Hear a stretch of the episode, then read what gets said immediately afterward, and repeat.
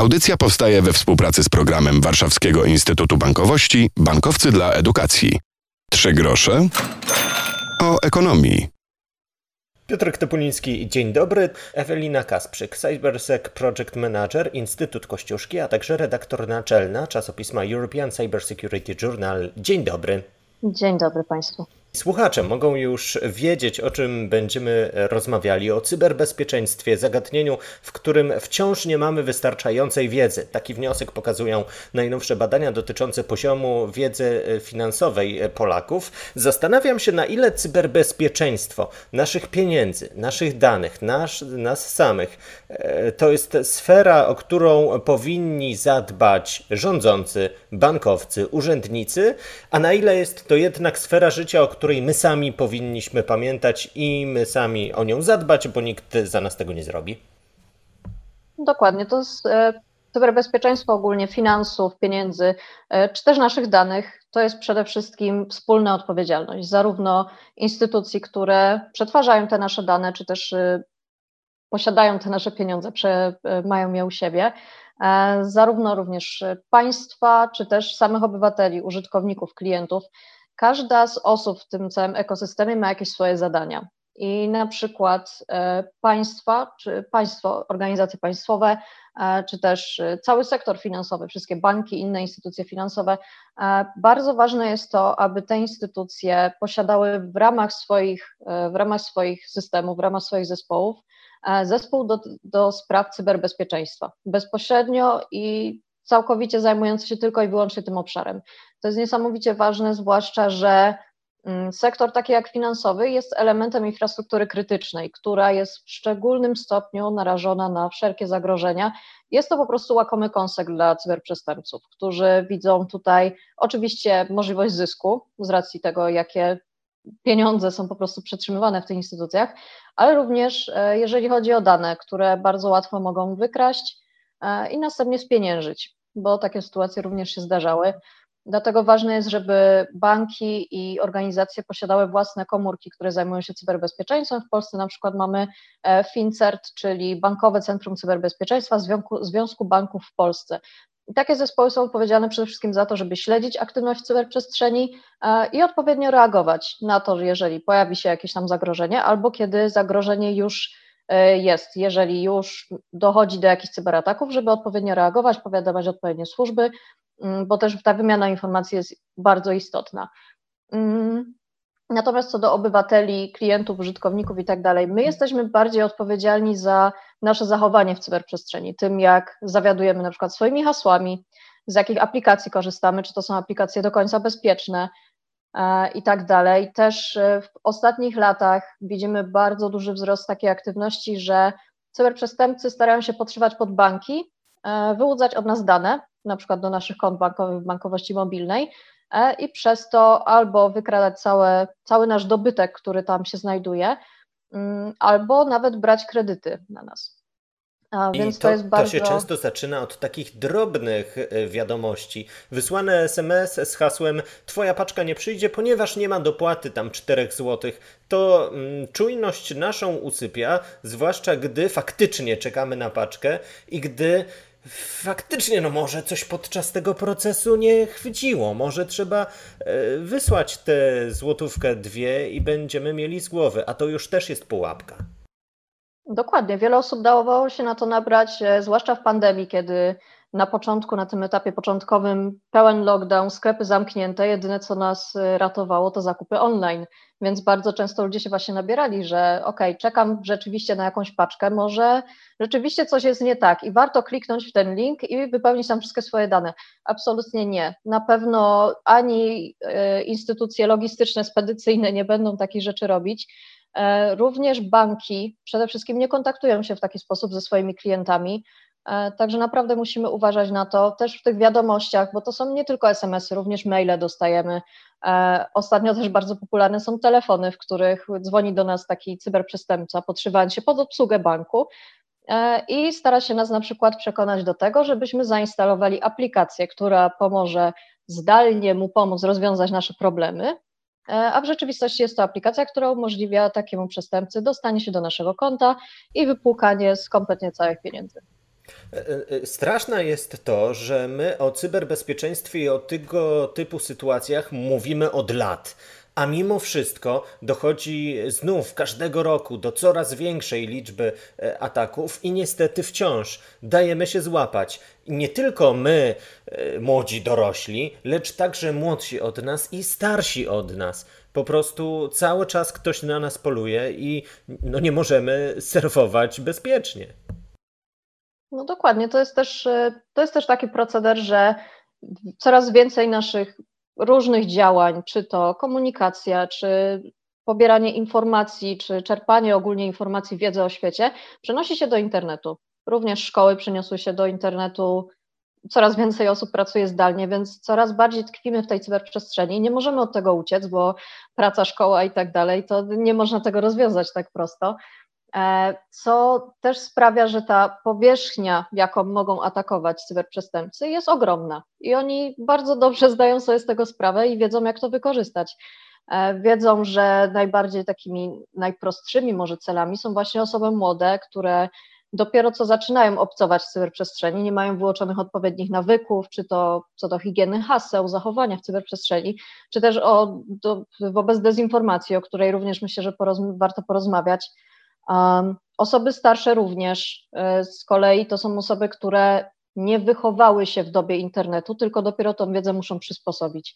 Jest wiele osób, które nie potrafią do tej pory, czy też wzbraniają się przed tym, żeby korzystać ze smartfonów. I to pokazuje, e, jak bardzo nie ufają tej technologii, e, jak bardzo nie wiedzą, jak ona działa i z jakimi problemami i zagrożeniami mogą się spotkać.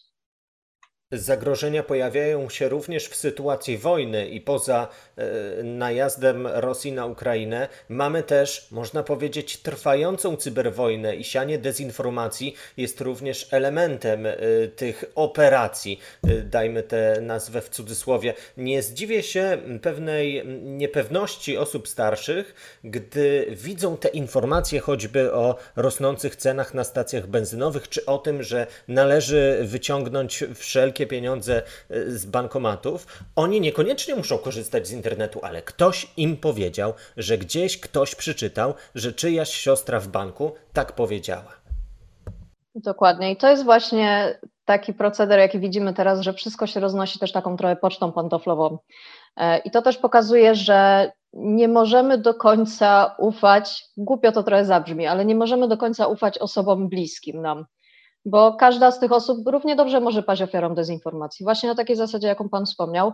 E, ktoś gdzieś tam powiedział albo usłyszał i ja w to wierzę, bo ufam tej osobie, a no nie do końca tak jest, bo teraz jest strasznie dużo takich e, sprzecznych komunikatów, które niby gdzieś tam są wpasowane albo bardziej starają się przypominać coś, co może się wydawać, wydawać że to jest prawdą, a w rzeczywistości no to jednak jest to wierutne kłamstwo, które ma tylko jeden cel, czyli wspieranie i legitymizowanie całej działalności propagandy rosyjskiej. Kiedy nam się powinna włączyć e, żółta i czerwona lampka, gdy widzimy e, wśród wpisów w internecie właśnie taki niepokojący sygnał? Może jednak będziemy pierwszymi, którzy dowiedzą się, a już nie chcę pisać czarnych scenariuszy, ale gdy zobaczymy, to e, co nas powinno zablokować przed naciśnięciem hasła udostępnij? Tutaj na pewno musimy być bardzo uważni, jeżeli chodzi o udostępnianie treści. I warto przede wszystkim poczekać.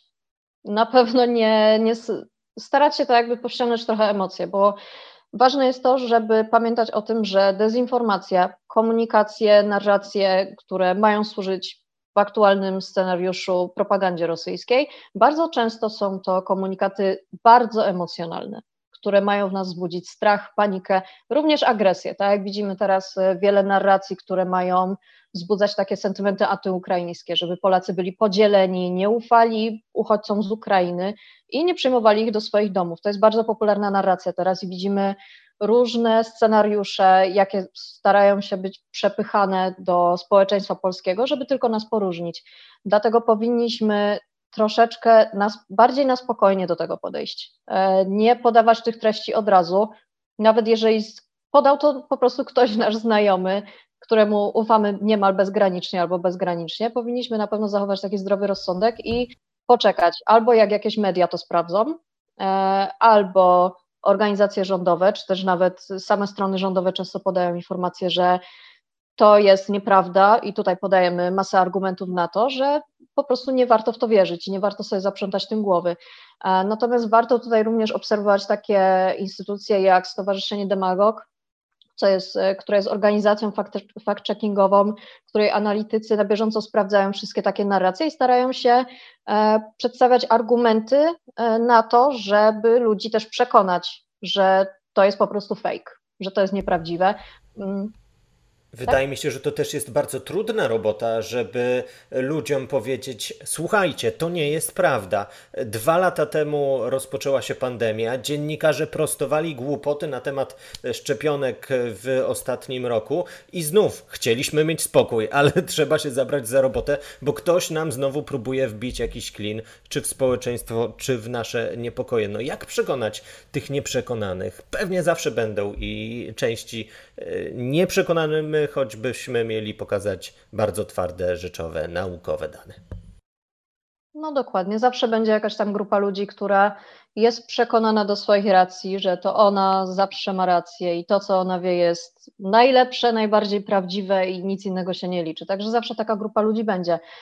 Warto jednak tutaj e, liczyć na to, czy też polegać na tym, że wszystkie osoby, które mają do czynienia z informacją, czy to dziennikarze, czy instytucje, których ta dezinformacja dotyczy, na przykład służba graniczna, e, która bardzo często właśnie publikuje informacje na, e, na temat sytuacji choćby na granicy i tak dalej i stara się prostować te informacje, które pojawiają się w sieci, e, czy też firmy, które, na przykład, nie wiem, koncerny paliwowe, które rzekomo ma być tak, że paliwa zabraknie i ludzie rzucają się masowo na stacje benzynowe, te koncerny to prostują, że absolutnie taka sytuacja nie ma prawa zaistnieć, mamy zasoby, nie dajcie się ponieść tej panice. Także warto na pewno słuchać tych instytucji e, i też myślę, że te instytucje same powinny zdecydowanie bardziej, zdecydowanie szybciej reagować na wszelkie takie przesłanki. To nie powinno być badanie czy też obserwowanie trendów przez kilka dni czy tygodni, tylko powinno się to od razu zduszać w zarodku E, kiedy dopiero,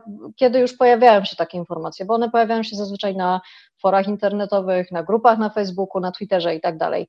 E, więc myślę, że na pewno tutaj jest istotna właśnie taka szybka, zdecydowana reakcja, a także współpraca z organizacjami fact-checkingowymi, czy też e, analitykami dezinformacji, których my mamy również w Instytucie i którzy na bieżąco śledzą te wszystkie rzeczy i wiedzą po prostu, z jakimi narracjami możemy się spotkać i na jakiej podstawie warto je obalać, że tak powiem.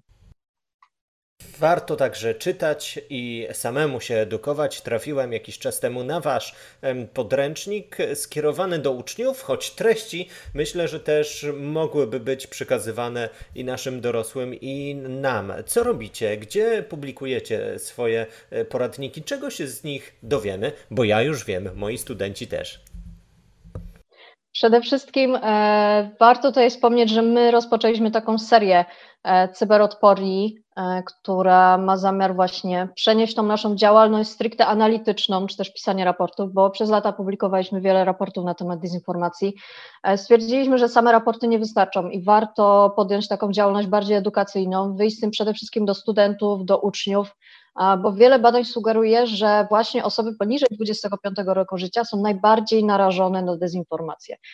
Również dlatego, że dopiero co kształtują swój światopogląd i nie do końca wiedzą, komu ufać, czemu, co jest, co jest prawdziwe, co jest może kłamstwem, a co jest może taką jakąś naciąganą albo nie naciąganą teorią, albo teorią spiskową wprost.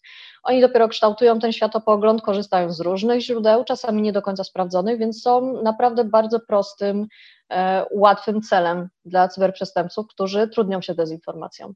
E, także stąd właśnie wywodzi się nasz pomysł, żeby publikować takie poradniki.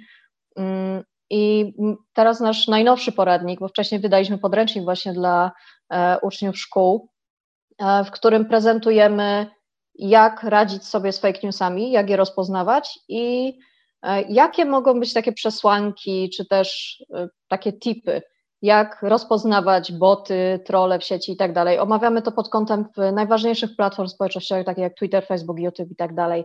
Natomiast w najnowszym poradniku e, staraliśmy się zawrzeć te informacje w pigułce e, i odnieść je również do aktualnego krajobrazu, który mamy teraz, czyli zawarliśmy tam kilka najważniejszych fałszywych narracji, które stosuje propaganda rosyjska, z którymi możemy się spotkać e, w sieci, z którymi mogą się spotkać nasi uczniowie, nasi, nie wiem, młodsze rodzeństwo i tak dalej, e, żebyśmy mogli im też pokazać, że możecie się spotkać z takimi treściami, ale powinny Wam się zapalić czerwone lampki, jeżeli właśnie takie treści zobaczycie, że to nie jest po prostu prawda, że świat tak nie wygląda i że warto takie treści zgłaszać. I tutaj też zawarliśmy w naszym poradniku um, szczegółowe instrukcje, jak na każdej z poszczególnych platform, największych sześciu platform e, internetowych, jak zgłaszać takie treści jako fałszywe. Także bardzo warto na, warto na pewno sięgnąć po ten poradnik i również zgadzam się z tym, że on jest skierowany do młodszych osób, ale na pewno osoby starsze, czy też praktycznie w każdej grupie wiekowej e, na pewno znajdą tam coś dla siebie i też nauczą się często korzystać ze zgłaszania tych treści, bo wciąż jest to trochę takie niezbyt często spotykane, żebyśmy zgłaszali treści, a myślę, że powinniśmy robić to częściej.